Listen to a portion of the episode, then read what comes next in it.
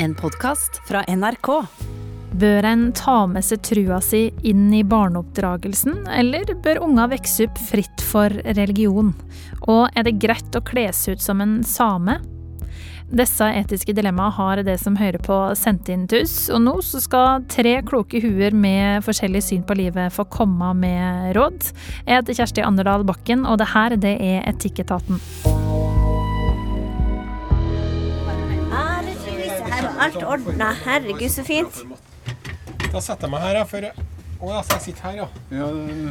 Og nå ble jeg stressa, for jeg har sittet der to ganger. Oi. Er det sånn? Men det går bra. I Etikketaten i dag så har vi med oss eh, tre personer som er kjent fra helt forskjellige felt. Har forskjellige bakgrunner, men kanskje kan de forenes eh, når de sitter her nå i eh, Etikketaten. Trine Lise Olsen, du har fått lyst til å le av veldig masse forskjellig i eh, mange år. Reiser rundt i landet nå, får folk til å le av og med det, kanskje, når du eh, har et show om Finnmark som du elsker så høyt. Ja det heter Jeg elsker Finnmark, og det er en humoristisk hyllest til verdens fineste fylke. Hvem ler mest? Er det finnmarkinga eller folk utafor? Uh, Utafor storbyene, tror jeg vil si. Sånn litt ut på bygda. Der er det Der er det uh, Jeg tror kanskje fordi at det, de samles sjeldnere. Uh, selv om man skulle tro at det var annerledes, så samles de sjeldnere. Og når de da først eh, møtes, så tar de helt av. Og nå med litt sånn innestengt latter også, etter eh, koronatid, kanskje? Behov for å le sammen? Ja, det har jeg merka. Sånn her, nei, det har jo vært, ikke sant? det har jo vært åpning, og så har det vært stengt, og så har det vært åpning og stengt. Så det er jo liksom Det er jo Folk har jo vært nervøse og redde, så det er klart det har vært liksom annerledes. Men det har også vært en der en eh, utbrudd eh, når det var åpning igjen. Så var det jo Da hadde vi show i Tromsø. Da var det helt, helt kaos av glede og, og, og ja, endelig! Og så gikk det noen måneder, og så bare, han stengte igjen. Ja. ja. Mm. Med krysser fingrene. Ja da, Ja, ja, vi må bare fortsette. Vi får ikke gjort noe. Nei, nei, nei. Rune Bratseth, vet ikke hvordan du hadde gjort det på humorscenen. Hadde du likt det? Uh, vet du, Jeg er i utgangspunktet veldig beskjeden. Eh, Så beskjeden at jeg ikke holdt tale til min kone i bryllupet engang. Men i dag så holder jeg jo foredrag. Jeg er styreleder imot å reise rundt og holde foredrag om ledelse, mitt liv med Nils Arne Eggen blant annet. Så eh, om jeg egner meg på noen humorscene, det er jeg usikker på. Men eh, jeg takler det å stå foran folk etter hvert. Ja. Mm. Du har jo stått foran eh, noen tusen folk også på fotballbanen. Og så er du fotballkommentator, men det skjer litt sånn eh, i det skjulte. Da ser du egentlig ikke det du snakket til. Det er riktig, eh, men man kan trene seg opp til det meste. og Jeg syns det var mye lettere å spille foran 80 000 enn å snakke for 20, for å si det sånn. Eh, Så det, det, det handler om at da var jeg på en arena som jeg følte at jeg beherska, og så det andre måtte jeg øve meg på å finne ut at jo da, det går da bra. Så, men så voldsom sjøltillit på det hadde jeg ikke i utgangspunktet. Men, eh, men når du blir trygg, så, og du kjenner at det du snakker om når frem, og at de setter pris på det, så bidrar det til sjøltillit, selvsagt. Are Sende Osen, har du noen gang vært beskjeden? Eh, der ble jeg svar skyldig.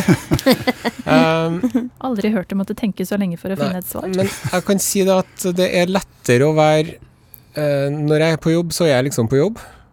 Og da er ikke jeg så opptatt av eh, hvordan hva folk tenker om meg, for da er jeg, jeg har liksom skrudd på den på-knappen. Mens når jeg møter nye folk som, som meg sjøl, så kan jeg faktisk være litt beskjeden eh, eller sjenert innimellom. Mm. Jeg var nok mer sjenert før.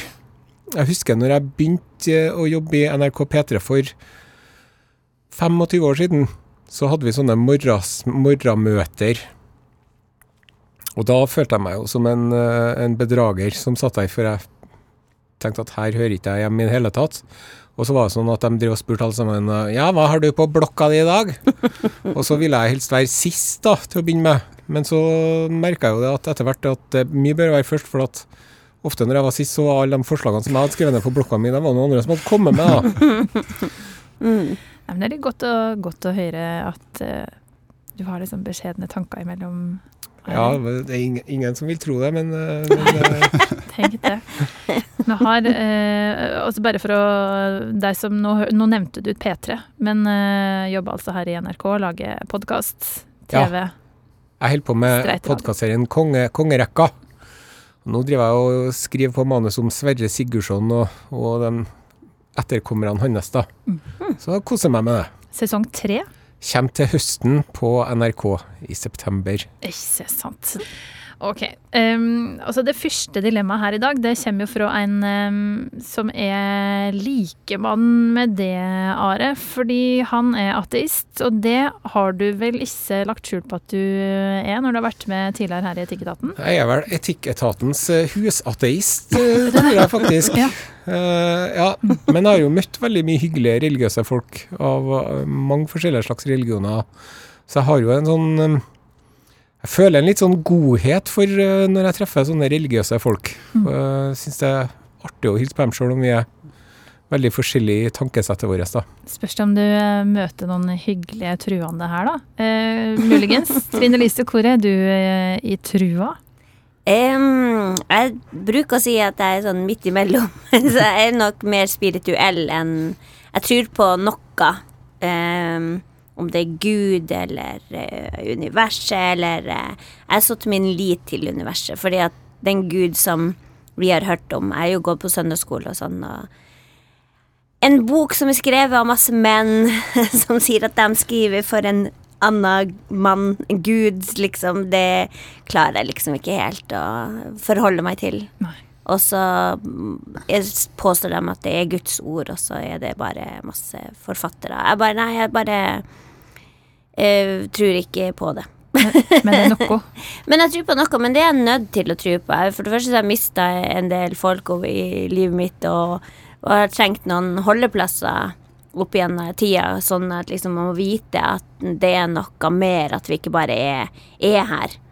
Som Ja, så jeg liksom Jeg trenger å vite at det er noe etter, og alle de grusomme øh, historiene om om folk som opplever det verste som kan, man kan oppleve, og så sier de bare 'Vi har bare ett liv', og bare 'Nei, det orker jeg ikke'. Jeg orker ikke at Kristoffer Potte bare hadde ett liv. Så jeg er nødt til å tro. For at jeg skal tåle alle grusomheter i verden, så jeg er nødt til å tro på at det er noe mer. Rune, Mhm. hvordan forholdt du deg til denne boka skrevet av menn? Ja, eh, jeg har lest såpass lite i henne en periode at det var ei dame som ringte meg når jeg var på ferie i Frankrike og eh, hadde fått nummeret som var hemmelig. Eh, hun hadde fått det. Eh, hun sa at hun har, har én beskjed til meg, av det at hun har fått beskjed fra oven om at du må lese mer i Bibelen. Det var den kontakten vi hadde. Så det gjør jo litt inntrykk på meg, det må jeg jo bare si, og hun hadde jo helt rett. Eh, trusbiten har en stor plass i mitt liv, det har det. Og kanskje fått eh, mye større plass nå i de siste årene. og Det, det handler nok om eh, mindre stress i livet. Jeg har hatt en flott oppvekst og aldri vært pressa til noe som helst. Og det har vært mye humor og livsglede i den måten eh, vi har trudd på, da, for å si det sånn. Altså jeg, jeg fikk en assosiasjon til Gud, og skal ikke forklare Gud. Jeg husker han, eh, Hans Olav Brenner hadde en samtale med Jon Fosse, eh, som er katolikk. Eh, og når han spør om hva er Gud, eh, så, så sier han det, det som ikke kan sies, sier han om det. ikke sant? Og det tror jeg, det var egentlig godt sagt. For det er fryktelig vanskelig å forklare, og skal vite og liksom ha alle svar på alt sånt. Eh, det er såpass ydmyk at jeg skjønner at jeg ikke kommer til å få noensinne, og at eh, det er ikke noen som kan si at det ikke finnes noen Gud, og det er heller ingen som kan si at det finnes noen Gud. Men det er en tru. ikke sant? Noen tror på, på det, noen tror ikke på det, og det, begge deler er tro. da. Så det, og jeg, har jo hatt besøk av en Are. Jeg har jo arrangert kulturkvelder i Byåsen kirke i mange år. Og vi inviterer jo folk. Om de tror eller ikke tror, er ikke så viktig. Altså, vi, jeg tror det er viktig å, å snakke med hverandre. Få bort fordommer, ikke minst. Eh, Der er vi jo Det har vi jo, vet du. Uansett om vi tror det eller ikke, så bærer vi noe med oss eh, gjennom den, det livet vi har levd, de påvirkningene vi har vært utsatt for. Så det å snakke med folk, treffe folk, det er kjempelurt.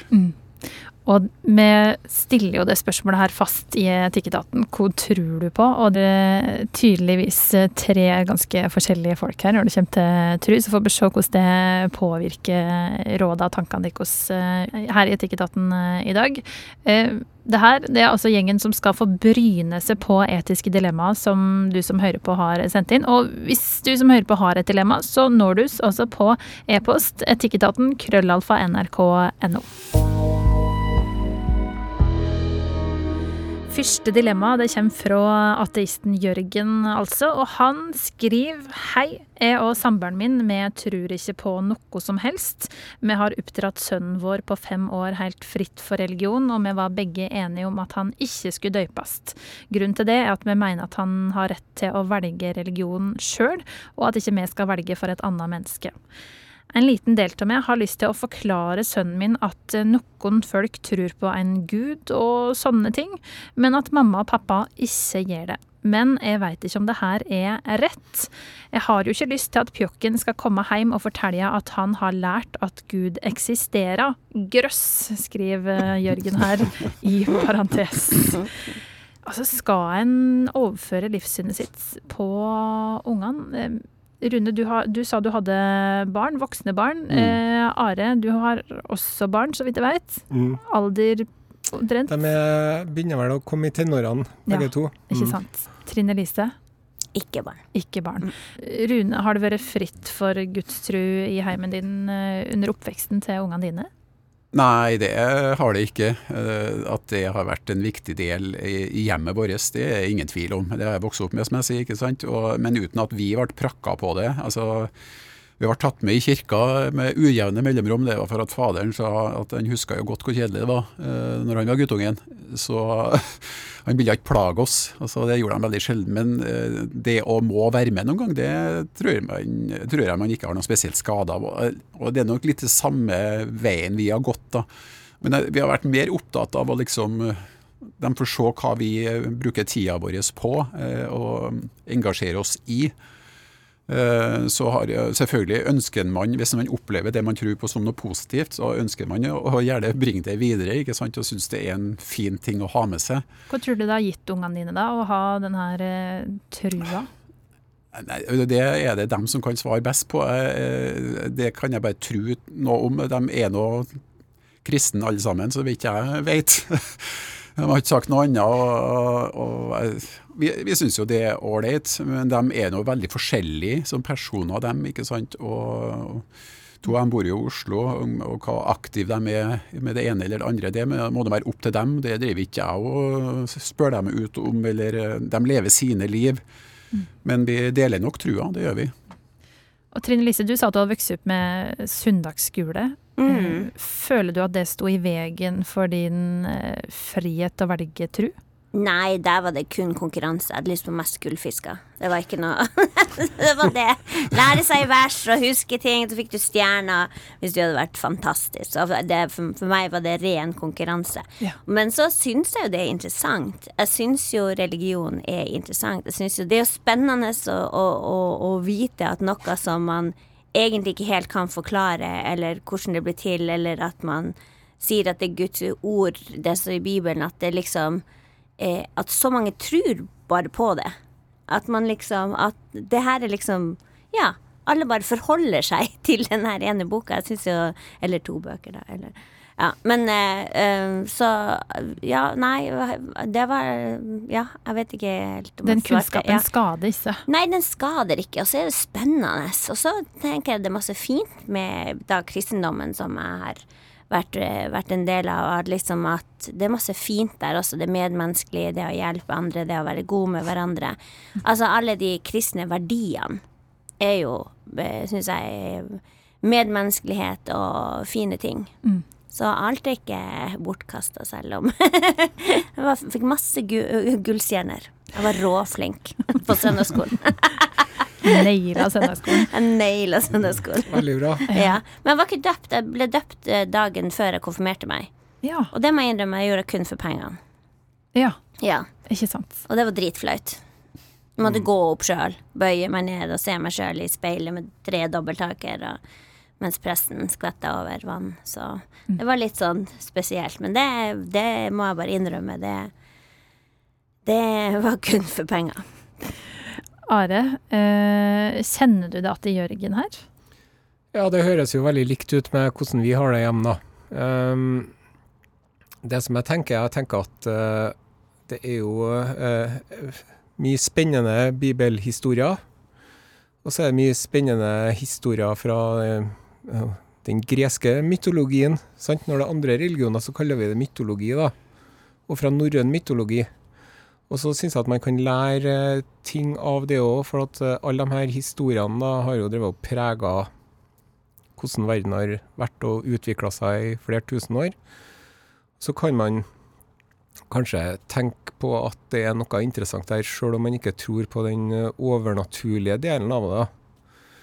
Eh, så, men jeg, det er jo et par ganger i året så er det sånn kristen skoleavslutning på skolen til ungene. Og Da må vi krysse av om de skal være med på det eller ikke. Og Da tenker jeg at eh, det er veldig greit at de er med på. Mm. Vi, vi driver og snakker om vaksine nå mot mot korona. Så jeg tenker at, at en gudstjeneste, som Rune påpekte, det er jo skikkelig kjedelig. At de, eh, at de kommer i kirka, og så får de en sånn svak dose med utvalg av religion, og så får de eh, oppbygd motstandskraft mot det der. da. Så jeg sender ungene i kirka når de skal på skolen, men så sier jeg nå skal du vite før du drar at det er ikke et sant ord som kommer ut av munnen på han mannen her. Det er bare sprøyt fra ende til annen. Men det, altså det, betyr jo at de har ikke vokst opp i en nøytral heim, da? Nei, jeg forfekter jo det som jeg mener er rett, sant. Mm. Så um, Men kan de være uenige med det, da? De kan jo det. Altså hvis, uh, hvis en av mine barn hadde kommet hjem og vært frelst, da hadde jeg blitt bekymra, ja. Da hadde jeg tenkt hva har jeg gjort galt? Ja. Hvor, hvor var det vi trådte feil? Fordi at um, Jeg syns at um, um, En ting er jo når du har fått det inn med morsmelka omtrent, sånn som du har gjort. Mm. Men jeg, jeg, håper at de ikke jeg, I hvert fall jeg syns at det var veldig godt å bare legge fra seg det her som jeg gjorde en gang i tenårene. da. At jeg bare bestemmer meg for at det her er ikke men er det ikke fint da å, å, bare Altså, det er jo som eh, Hvis man ser på det som et fag, da. Som religion også er. Men at man lærer om forskjellige religioner, og at folk skal få lov å Og barn også, å diskutere rundt det, hva det er. Og jeg er jo Altså, i samiske så har man jo naturtro, men der er også guder, og, og, og, og vi har forskjellige um, ja, sagn eller gamle historier som, som, man liksom forholder seg til på en måte. Så jeg tror jo mer på det overnaturlige med kristendommen enn alle de her menn som har skal, skulle kapitalisere kirka over tid, liksom. Og, og jeg tror jo mer da på det overnaturlige enn på de her mannfolkene som har skrevet denne boka. Mm. Jeg tenkte å spørre uh Are her, men Du hadde kommet til å respektert det, selv om du ikke hadde likt det. vil jeg tro. Sånn som jeg måtte ha gjort hvis de hadde valgt noe helt annet enn det vi ønska, uten at vi har hjernevaska dem på noe vis. Ja, ja, ja, jeg måtte jo det. Du kan jo, du kan jo ikke slå hånda av ungen din sjøl selv om en uh, blir kristen. Men så er det jo det er jo grader av, av kristelighet òg, da. Og jeg synes jo at eh, Nå kjenner jo ikke jeg Rune Bratseth så godt, men han virker jo som en sånn snill kristen fyr, da. så, så, lenge det bare er litt sånn søndagsskole og litt sang innimellom, sånn, så er det greit. Men, men, når det begynner å, å, ta kontroll over livet ditt, så er jeg litt bekymra, for at det er jo ofte sånne De er jo ofte En del menigheter har veldig lukka miljø, sant. Mm. Det er ikke så veldig demokratiske prosesser. Eh, og det er en del tankegods der da, som jeg syns er bekymringsverdig i forhold til eh, likestilling, eh, i forhold til seksualitet, i forhold til moral og etikk, som, eh, som eh, jeg finner bekymringsverdig. da. Altså Det store flertall tror jeg du eh, ikke har trengt å bekymre deg noe særlig for. Det, det tror ikke jeg. Hvis uh, ungene dine blir sånn som meg, så håper jeg at du syns det har vært uh, greit. Men det, det, det er jo så mange utallige forskjellige ting, så jeg skjønner jo at det er Og skjønner skepsisen til, til, mye. Eh, så det er ikke noe vanskelig å, å forstå. Eh, men det er også eh, plasser der det er en sunn måte å leve sin tro på. Og det er, som du også sa, Trine, det er mange flotte historier og bibelhistorier som du har lest. og gode verdier som formidles, og som det norske Norge har bygd på, ikke sant? og som, vi tar med oss eh, videre. Mm.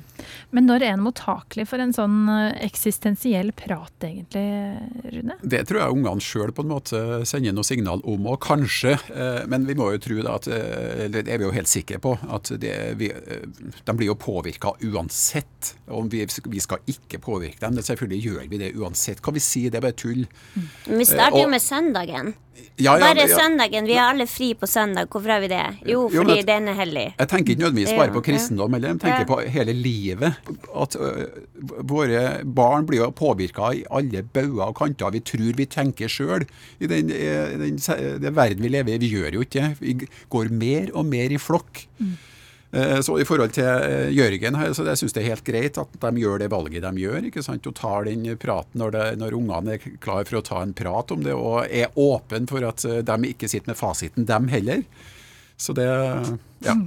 Så Jørgen spurte altså om han skal fortelle sønnen sin på fem år om livssynet sitt, og det høres ut som det er et rungende ja, egentlig, fra ja, alle i panelet. Kan vi snakke litt om evolusjon og sånn, for sånne ateister tror jo gjerne på den, den Darwins utviklingslære og hvordan hvordan man sjøl mener at verden ble skapt. da. Ja. Og så er det jo en del kristne jeg vil jo tro at en Rune Bratseth f.eks. ikke er motstander av evolusjonsteorien, men at han inkorporerer det i sitt tankegods. Mm. Ja. Det trenger ikke være noen motsetning. Jeg er ikke sånn eh, eh, bokstavtro, for å si det sånn. Ett og alt, det er sånn det er. Det er jeg ikke. Det må settes inn i en sammenheng og en kontekst. Ja. Mm. Det, det, må det, og eh, ut ifra den kunnskapen vi sitter med, ikke minst. Men så er jeg veldig ydmyk overfor at uh, altså, sannheten varer jo kortere og kortere. Ikke sant? Så, så, det tror jeg vi alle må ta til oss. At vi har en stor grad av ydmykhet i forhold til livet. Mm. For det er veldig mye vi aldri kommer til å forstå. Og vi er noen sandkorn på stranda, vi som sitter her òg. Uh, og, og, sånn sett uh, så er det litt spennende også. Og, og, jeg tror mennesker til alle tider har trodd på noe som er større enn oss. Og så kan man uh, si at det er bare sprøyt eller noe sånt. Ja, og det har jeg respekt for. Altså, jeg syns jo det er vanskelig sjøl. definitivt. Men samtidig så Jeg tar med meg trua mi og har en, en relasjon til, til, til Gud. og har en prat med, med en innimellom. Jeg er jo ikke alltid fornøyd. det er jo ikke alt jeg skjønner og kan forklare. Det, definitivt. Hvorfor tapte vi den kampen der? ja. Jeg, jeg trodde du var glad i meg, Gud. Heldigvis aldri brukt det på eh, Det vil si, altså før kamper alltid håndkle over hodet og liksom litt uh, stillhet for meg sjøl, så at jeg fikk uh, på en måte konsentrert meg og fikk uh, gjort mitt beste. Selvfølgelig ikke at jeg skulle Nå, nå trenger vi tre poeng! Han er ikke mottagelig for sånne konkrete Nei, det, søknader? Det håper ikke jeg. Nei. Nei. Ateisten Jørgen, som også grøsser ved tanken på at noen skal lære sønnen på fem år om at Gud eksisterer, lurer på om han skal fortelle om det fins en gud som noen tror på, og som han ikke tror på. Det høres ut som du her må Det viktigste er at du danner et mulig, best mulig grunnlag for sønnen din for å ta et eget valg, og det valget må du respektere uansett hvor de faller på um, etter kort, de ungene dine. Men ydmykhet nevnte Rune. Det tror jeg er et godt ord oppi det her. Du skal ikke levere en fasit til denne sønnen din når du tar opp eh, samtaler med han. Og så um, kan en jo håpe på at han kanskje gir signal etter kort sjøl, femåringen, på når han er klar for å prate om liksom større eksistensielle spørsmål. Og så kan du jo ha etikketaten i bakhodet. Her det sitter tre forskjellige folk med forskjellig tru. Og det kan være fint å komme med eksempel på når du skal eh, diskutere eller prate om det her med, med sønnen din. Tre kloke folk er altså samla her i Etikketaten for å tenke høyt rundt etiske dilemma, og i dag så er det Rune Bratseth, fotballegenden, som er her sammen med Are Sende Osen, som bl.a. er kongeekspert. Kaller det det. Eh, tre sesonger er snart på plass av eh, podkasten Kongerekka.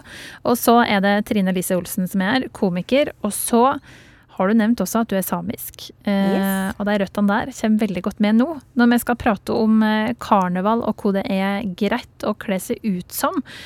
Eh, Februar er jo måneden da for den kristne fasta, en tradisjon som vi har med oss fra denne fasta. Det er karneval. og så Unger blir sendt i barnehagen og på barneskolen som eh, sjørøver, spøkelse, sjiraff og superhelt. Men eh, hva er det egentlig greit å kle seg ut som?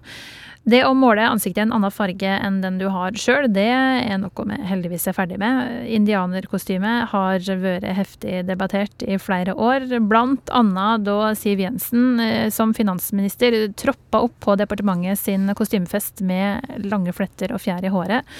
Men hva med vår egen urbefolkning? Kan en gå på karneval utkledd som same? Trine Lise. Skal jeg begynne? Ja, vi må nesten Eh, jeg syns jo ikke det. Jeg hadde blitt fryktelig lei meg hvis jeg hadde kommet på en fest og noen hadde kledd seg som same. Hadde, jeg- det hadde jeg syntes vært eh, virkelig, virkelig vanskelig. Um, sånn, ut, sånn ut fra det ut, Nei, utenom det personlige, så kan jeg si at det handler jo om at når man aldri er blitt ordentlig anerkjent eh, av liksom hele norske staten og alle sammen, at vi er en del av den norske historien og anerkjent ordentlig som urfolk, så er det jo noe med å skal bli kledd ut som det før vi i det hele tatt har fått lov å eksistere. At vi skal liksom bli sånn klovne, klovneri før vi egentlig har fått en status som, som at vi eksisterer, og at historien vår, blitt hørt. Så jeg tror det er derfor den er, det er så Det, det, det er sårt at liksom eh, Hvis vi liksom hadde fått vært eh, Vært eh, i, i ordentlig i historiebøkene og ordentlig på, i skolen og og det har gått noen år, og noen sår har blitt hila og sånn, og lega, så kanskje da Men det spørs da, altså. Jeg syns det er veldig vanskelig. Eller jeg syns ikke det er vanskelig. Jeg synes det er veldig vanskelig at noen insisterer på å få lov å kle seg ut som, som indianer og same. Jeg synes det er, Da er du så privilegert at jeg har lyst til å sparke deg i ræva. For da har du ingenting å klage over. Hvis det er det du må liksom kjempe for i livet. Så du tenker at det er mangel på respekt? Mangel på kunnskap. Vi leger seg enda etter fornorskninga. Vi har eh, foreldre og besteforeldre som, som mista språket og som mista kulturen sin fordi at eh, de ikke fikk lov å verken prate språket eller eh, ha på seg kofta av dem når de vokste opp. Og da er det for vondt at noen har lyst til å kle seg ut som det. Mm. Hva tenker du om det her, eh, Rune? Ja, nei, Det er ikke så vanskelig å forstå. Eh, Jeg tror det er riktig. altså Man må ha kunnskap eh, om det her, og det har jo blitt satt på agendaen med minoriteter som har blitt dårlig behandla over uendelig lang tid. Eh, Så jeg forstår det. Jeg har aldri hatt noe behov for at jeg skal kle meg ut som å gå på Det ville vært veldig rart. altså Jeg skjønner ikke hvordan jeg skal komme på det. Men jeg, Are og jeg har sikkert, eller kanskje vært både eh, vært indianere, kanskje begge to. Jeg har vært cowboy òg. Ja, Ja. Vi, var, vi var jo cowboy og indianer. Vi vokste opp med det. Det var vi, det, det var vi, mest av alt så var vi akkurat det. I hvert fall der jeg vokste opp. Eh, så man må liksom Vi må passe på så at vi ikke henger folk Jeg er også farga meg svart en gang for 30 år siden. For, da var min helt Natalie Cole, og jeg skulle mime en sang som hun kunne. Jeg var én av tre artister. Så det var jo ingen som tenkte tanken engang. Men jeg skjønner det jo nå. Det er ikke min intensjon som er viktig. Nei, nei. Men det er mottakeren eller den, den grupperinga, og det skjønner vi. Og det, og, men det er viktig å, å si det, og ikke, og ikke prøve å Man skal hylle og slakte det eneste man gjør i samfunnet nå, og det er jeg ganske lei av å høre på. Det, noen blir løfta, og så skal de ned. Så det, Folk må få lov til å gjøre feil òg, ikke sant? Og lære av historien. Og, og det tror jeg vi gjør. Eh, og så Derfor så farver jeg meg ikke svart en gang til. Mm. Det, det gjør jeg ikke. Men det var ingen Hvis jeg hadde ringt av Natalie Cole, jeg tror kanskje ikke hun er blant oss lenger, hun heller, sånn som faren. Jeg er usikker. Men eh, så tror jeg kanskje ikke hun har sagt at nei, det får du ikke være. Du får ikke være med på eh, å synge den LOVE som jeg kan utenat ennå, ikke sant. Eh, Det kunne hende at hun syntes det var helt greit at jeg i en, en lukka sammenheng har fått fremført den sangen, men det er uinteressant i den konteksten her, for at det nå er ikke sånn. Vi, vi vet hva det handler om, og da lar vi det være. Mm. Men Are, er det forskjell på voksne og unger, tenker du? Kan en fortsatt leke indianer som liten unge, eller, eller eventuelt eh, same? Frost er jo kjempesvært, blant annet. Kanskje noen som har fått noen eh, nye forbilder. Men Ja, der kan, man, ja. man kan jo leke same. Kan leke indianer, men må du kle deg ut? Mm. Altså, det er jo Ja, må du ha karnevalutstyr? Må du Du kan jo leke hva du vil. Så det handler om konteksten Ja. eh, her. Mm. Det er jo spennende. Når, når, når det sitter en same her nå og forteller hvordan hun føler om denne tingen, så måtte han jo ha vært bra teit hvis jeg skulle ha sagt noe annet. Sant? Og det er veldig viktig da at man hører etter dem som det gjelder. da. For uh, man kan Det er jo også noen Det har vært en debatt, og det er jo flere eh, hvite middelaldrende menn på min alder fra Oslo som sier at det er ikke noe rasisme i Norge, sier de. Nei, og det Jeg heller har aldri opplevd noe særlig rasisme i Norge. Eh, men det kan jo hende at det er det likevel. sant? Så det, det syns jeg er viktig å tenke på. da. Mm. Og um, jeg har en gammel slektning som eh, når vi er samla til jul og sånn, så skal han eh, fortelle om eh, Da bruker han det jeg må kalle for N-ordet, da. sant? Og han, han mener ikke noe med det, og han må få lov til å si det. Og han, så kom det igjen, og så trekker han pusten, og så sier han det ordet der da, som han ikke skal si, og så ser jeg at alle ungdommene i rommet syns det er kjempeflaut. Må man, eh, må man ta til seg. Tidene forandrer seg, og du kan ikke mm. bruke de ordene du har brukt før. Eh, og så må du endre litt på holdningene dine. Og det er, da må man være litt smidig oppi hjernen sin, da.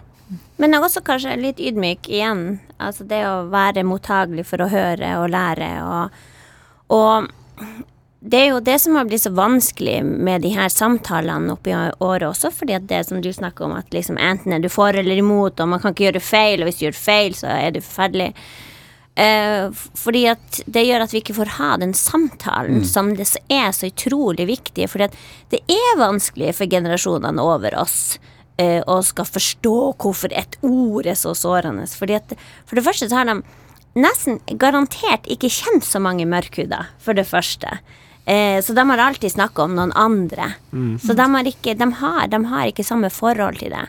Men det er, man er aldri for gammel til å, å lære noe nytt, liksom. Og det må man også bare ta med seg, og så får man forklare det til man blir grønn i trynet. Sånn er det nå. Men det her er jo ikke sant samme diskusjon om, om skilt i, Nord-Norge, om det skal stå på samisk eller ikke. Mange av plassene i Finnmark, det her um, er, er, er på samisk. De er samiske. Også fordi at ikke nordmenn forsto hva det var, så har de bare lagd nye navn etter ordlydene. Men på samisk så betyr de noe. Eh, For det her lærte jeg av min kollega Isalill Kolpus, som sier at eksempel Kautokeino, det heter Gavdogeino på, på, eh, på samisk, og det betyr midt på veien. For Kautokeino er virkelig midt på veien. Det er ingenting før, og det er ingenting etter. Det. Men Kautokeino betyr ingenting. Så de har bare tatt ordlyden. Så da er det klart at da er det veldig fint for de samiske å vite at det her, det het noe, og det betydde noe. Men fordi at de ikke hadde peiling hva det betydde, og hvorfor det var sånn, så ble det bare dette, dette. Det høres sånn her ut, så da snakker vi sånn. Ikke sant? Liksom, og sånn har det liksom vært fra starten. Sånn at det hvis, hvis man bare vet litt sånn forhistorie om hvorfor det blir sårt, så skjønner man mye mer. ikke sant? Gaudegeino betyr noe. Det gjør ikke Kautokeino. Men jeg er veldig nysgjerrig på den her kofta. Mm.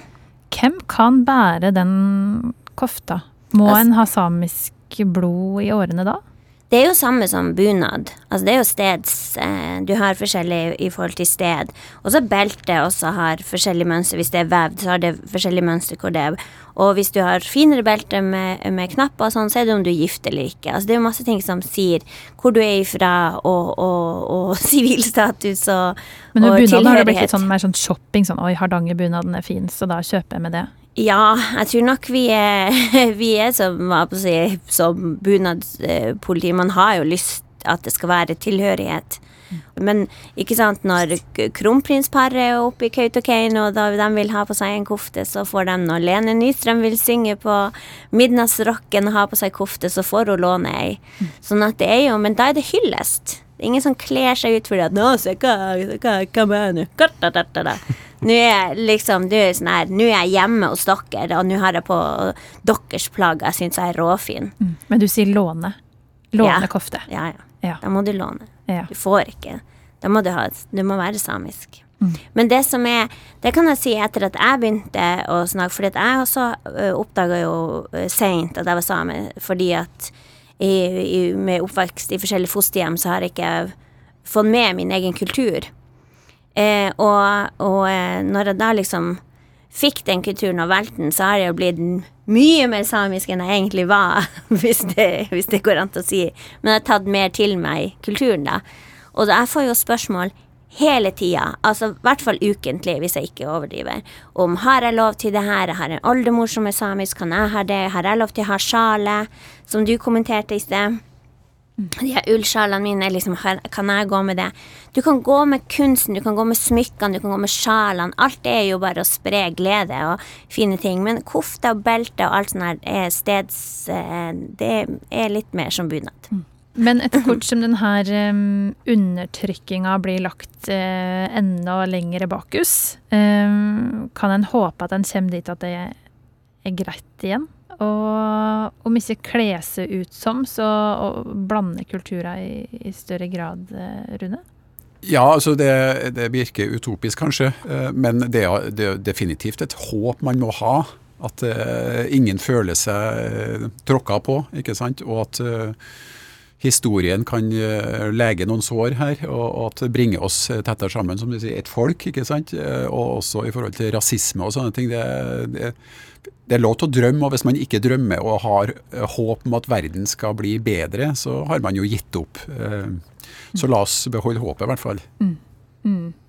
Så til spørsmålet om en kan kle seg ut som same på kostymefest, svaret er tydelig nei. Du Rune, vi kunne jo hylla Natalie Cole sånn på slutten her, da. Så kan du synge med, du som kunne hele teksten. LOVI. Ja, det blir fint. Tror du ikke det? Elvis for the way you look at me. Oh, it's for the only one I see. V is very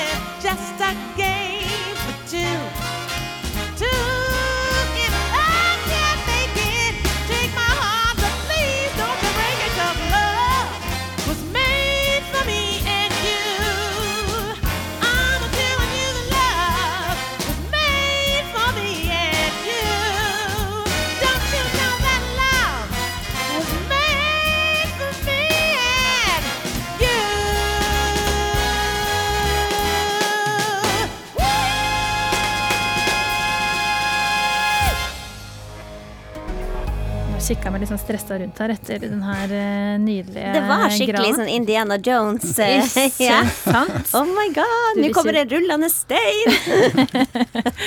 Jeg skal bli litt mer kjent med Dikkon, eh, verdiene deres gjennom, forhåpentligvis, et spørsmål som Dikkon skal trekke oppi her. Etikketaten i dag altså består av Trine Lise Olsen, komiker med samiske røtter. Øredobbmaker, har vi også akkurat eh, lært. Legg på, legg på. Og så er det Rune Bratseth, eh, mest kjent for fotballtalentet sitt, men har også vært med å starte opp Mot. Ikke sant? Mm. Som eh, mange har et forhold til. Og så er det tredjemann, Are Sende Osen. Rykende dyktig formidler som programleder. Både radio, TV og podkast. Og nå så skal dere altså få lov til å trekke et uh, spørsmål. Ingen vet hvor det står på spørsmålet som det skal trekke. Jeg strekker meg over til Trine Lise. Oi. Hvem er ditt forbilde? Ja. Hvem er det? Du kan starte med å svare. Skal jeg begynne? Ja, gjør det. Hvis ikke du trenger betenkningstid. Nei, altså det er jo eh, mamma Ragnhild og Opera. Hun har deg til felles. ja. Det er at de begge er ekstremt gode eh, på råd. Eh, De beste rådene. Og Opera er råd og livs, livssyn, hvis jeg kan si det sånn. Livsguide. Og mamma Ragnhild er kjærlighet og relasjonen. Ja. Kjærlighet og trygghet og ja. Og bare er, um, Vi har hatt beredskapshjem etter at mamma Ragnhild slutta å ta fosterbarn. Hun hadde over 60 barn hos seg. Eh, og det er ikke ett barn som ikke har knytta seg til mamma. Og det er eh, Åh, berørt. Vi har ganske mange um, utsatte barn som har vært Når man er i beredskap, så blir man tatt ut på dagen. Um, men til og med de verste casene har mamma fått kontakt med. Og um, det er helt unikt verdt å få se det først, altså førstehånds, og bare få se hvordan bare Og med å være gjennomsyra god. Og hun, hennes motto er 'gi barn kjærlighet, så ordner det meste seg'. Og det, er- det har jeg fått sett første hånd, og det er helt, helt Der blir jeg religiøs, for å si det sånn. Det gjør meg religiøs. Høres ut som ei som har en fantastisk kraft. Hun har en sånn kraft, og så tror jeg sånn bare Du bare vet at hun vil deg vel. Det er, det er ingen som tviler. Ikke engang et lite barn som kommer inn og har opplevd det verste, bare til, knytter seg til henne. Har hun vært eh, fostermora di òg, eller? Ja, hun, eh, det er hun jeg kom til. Og hun sleit med meg i to år. Jeg kom dit da jeg var ni. Ni til elleve så var jeg et mareritt. Men eh, etter to år så så fant jeg henne gråtende på senga, og da sa hun 'Jeg vet ikke hva jeg skal gjøre med deg'. Jeg bare 'Send meg videre'. Hun bare 'Nei, du skal bli her hos meg'. Og siden da så har vi liksom vært oss to. Og det var Ja. Og så bare fått sett og tatt imot hennes kjærlighet, liksom. Ja, verdens beste forbilde. Bare kjærlighet. Bare godhet. Bare fint. Ah, Rørende historie, må jeg si. Ja, hun er, altså, hun er så fin. Vi hadde en liten baby som kom, og da kalte vi henne for Pia, fordi at vi ville ikke gi henne navn, eller mamma da, ville ikke gi henne navn, så vi kalte henne bare for Pia, for da er hun jo jente. Eh, hun var der i ni måneder, altfor lenge enn det en baby skal være, men det er ikke så lett å finne fosterhjem, så hint, hint, hvis noen vil være fosterhjem.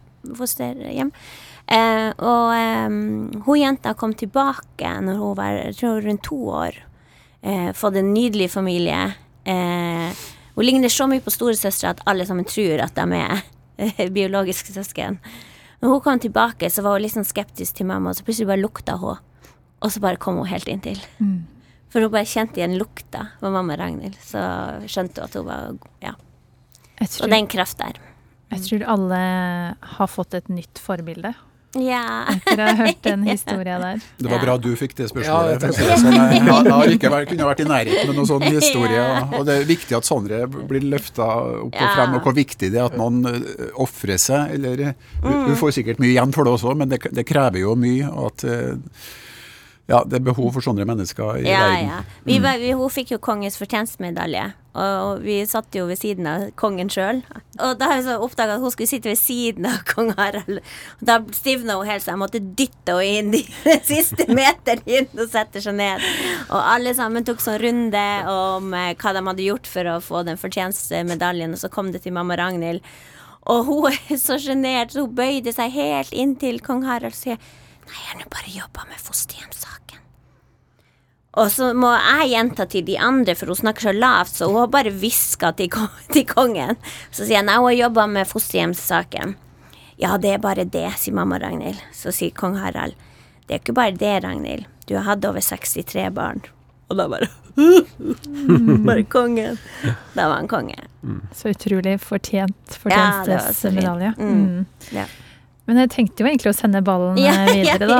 Rune. Men jeg kan gå til, kan gå til Are, Jeg. Are først. Altså Forbilder kommer jo i alle mulige eh, farger og fasonger. Nei, Eh, det, hvis jeg skal begynne å si noen ting nå, så kommer det, kommer det til kort. Nei, jeg har jo Oprah også. Herregud. Vi har masse forbilder. Det er jo det som har forma oss. Det er jo dødsbra.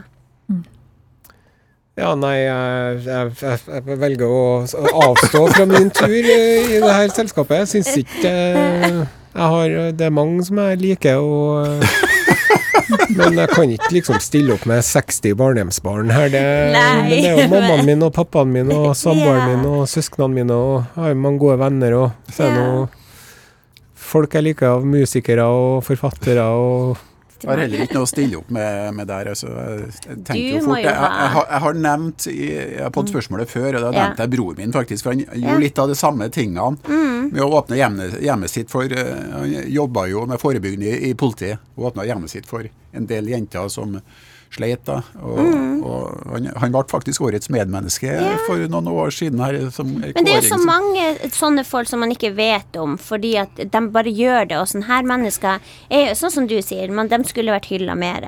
Fordi at det er sånne folk som hver dag gjør denne jobben som ingen på en måte ser hvis ikke det er noen som sitter på radioen og hyller dem. Fordi at det er mange mamma Ragnhild der, og det er mange som broren din, og det er masse fine forbilder ute i, i, i samfunnet. Mm. Og du som har starta Mot, du er forbilde for kjempemange. Og redda livet sikkert til veldig mange. Så det, det er masse folk hver dag som gjør gode, fine ting der ute. Og det må, må, folk må aldri undervurdere eh, det de kan gjøre for andre. Jeg husker alle som har vært gode med meg på min vei. Absolutt alle. Eh, jeg hyller dem i foredrag, og, og plutselig så fikk jeg kontakt med henne. Hun ante ikke at hun har betydd så mye for meg da jeg var lita. Så det er folk hver dag der ute som gjør gode ting som de ikke vet. Om du er lærere eller, Ja. Eller, eller ja, voksen i samfunnet, bare. Og der tenker jeg at du kan inspirere mange ved å si til deg som har vært gode med det, Mm. takk for det du gjorde. Ja, ja. For er det ofte kan ja. en jo tenke, tenke det. Fra forbilder så skal vi til det siste dilemmaet i Etikketaten eh, i dag. Og gjengen som sitter her, det er altså fotballegende Rune Bratseth, komiker Trine Lise Olsen og programleder Are Sende Osen. Og det er Turi som også har sendt et spørsmål til Dikkon på e-post til etikketaten krøllalfa nrk.no, og hun skriver Hei, jeg er en kvinne i 60-åra. Jeg har bodd alene i 17 år og er minstepensjonist. Men jeg skal ikke klage. Jeg har tak over huet, mat på bordet og klær på kroppen. Så til dilemmaet. Både mine søsken og mine barn de er gift eller samboere og har god inntekt. Når vi skal kjøpe fellesgaver til bryllup, konfirmasjoner og andre store dager, så blir beløpet delt på husstanda. Her så er det ei vektskål med penger som sender med til himmels, og jeg blir en lettvekter. Jeg syns det her er skikkelig urettferdig, og jeg mumla litt i skjegget om det her for noen år siden, og noen var enig, andre ikke. Hva syns det om det her? Jeg er sikker på at det er flere som opplever dette, så mange single som er i landet vårt nå. Ser fram til å høre hva de kan mene, sjøl om jeg kanskje ikke tør å ta det opp med det aktuelle igjen. Med vennlig hilsing ei som ikke vil virke gnien. Vi kan kalle hun eh, Turi. Altså, det fins 1,4 millioner single her i landet. Er de å regne som en husstand når en skal kjøpe inn fellesgavevare? Eh, ja, eh, jeg har et råd til Turi deg, som kommer her nå kjapt og kontant. Og det er at du må bare gi beskjed neste gang det der blir et tema.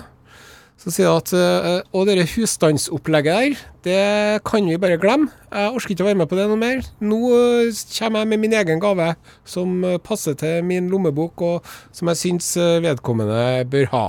Eh, Fuck dette opplegget her. Nå har dere drevet og, snylta på meg i flere tiår. Og dere tjener mye mer penger enn meg, og nå kan det være det samme. Ja. Nå får eh, jubilanten en flaske rødvin fra meg, og det får være det, det som teller. Og vi vet jo det alt sammen at det er jo ingen som Eller i hvert fall Det er jo ikke verdien Det er jo ikke verdien i kroner og øre på en gave som, som skal telle. Og da kan man uh, ha noe som som man syns passer istedenfor, da. Mm. Så du kjenner du blir provosert, sånn som Turi blir oppe i det opplegget Ja, blir kjempeprovosert. Og det er jo typisk at det er dem som har mest, som er mest grolete og skal tuske til seg og slippe unna ansvaret. Og det er jo symptomatisk for hvordan vi har det i, i samfunnet. Eh, for hele linja. Dem som har mest, nei, dem skal nå i hvert fall ikke betale noen ting. Nei. Og det der er det veldig mange som glemmer i samfunnet vårt i dag, at eh, de har ikke uh, poppa opp ifra intet. De er en del av et eh, system og et samfunn og har høsta godene fra fellesskapet i mange år. Og så driver de og meler kun sin egen kake og flytter til Bø eller Sveits eller hvor det nå er. Fordi at eh, de skal absolutt eh, ha så jævlig mye. Og eh, spørsmålet er jo er det lomma i likskjorta, og svaret er nei. Og nå hører dere jo alle sammen at det er like før jeg begynner å kalle folk opp på barrikadene, og at man skal ta med seg høygaflene sine og begynne å ta livet av folk. Det mener ikke jeg i hele tatt. Men eh, kom igjen, da. Det er mer i livet enn en penger. Mm. Blir du provosert på, eh, på lik linje med Are her, Rune, eller? Ja, altså, jeg kunne etter eh, første tre setningene sagt ja og amen. Så tok det jo litt av etter hvert eh, hos Are her. Eh, Men det syns jeg jo bare er morsomt. Eh, Og jeg er ikke uenig i det han sier etter å ha tatt av heller. Men eh, det er selvfølgelig ikke nødvendigvis enkelt for vedkommende å si, gi så klar beskjed. Det har jeg respekt for. Men at svaret er enkelt, det er det. Altså, Man må, kan ikke behandle hus som en husstand. Det, og da er det kanskje den enkleste måten å unngå den store diskusjonen, er bare å si at jeg kjøper egne gaver, punktum. Det kan jo hende at de her som hun da eh, spleiser med, ikke tenker over det. For det er liksom satt i samfunnet at en husstand er en husstand uavhengig av inntekt og hvem som bor i denne eh, husstanden. Og det har jo Turi nå en mulighet til å gjøre noe med, da. Men Trine Lise, hvis det da er Hun skal spleise med to par, da, som er hennes eh, barn med, med partner. Jeg har hatt det her. Vi er syv søsken. Jeg har vært singel i evigheter. Eh, og vi er, det er sånn her har det vært for meg. Og man blir forbanna, fordi til slutt så bare Å ja, der kommer søstera mi eh, med to barn, mann, og så Å ja, du har fått barnebarn, og alle sammen er fra samme. Alle er Oi, dere skal gi 500. Vi alle gir 500. Ja, men så fint, da. Så du gir 500 fra sju stykker, og jeg gir 500 fra meg. Det her handler jo også om at det er tabu å snakke om penger. Det er bare måten hun starter hele, hele liksom spørsmålet 'Jeg har nok, jeg har det bra, det går bra med meg', men ikke sant, bare det at man, For man tør ikke å si 'Vet du hva, jeg har ikke råd til det'. Enten så kan jeg ikke være med på gaver, eller så, så, så må dere akseptere at jeg ikke har like god råd som dere.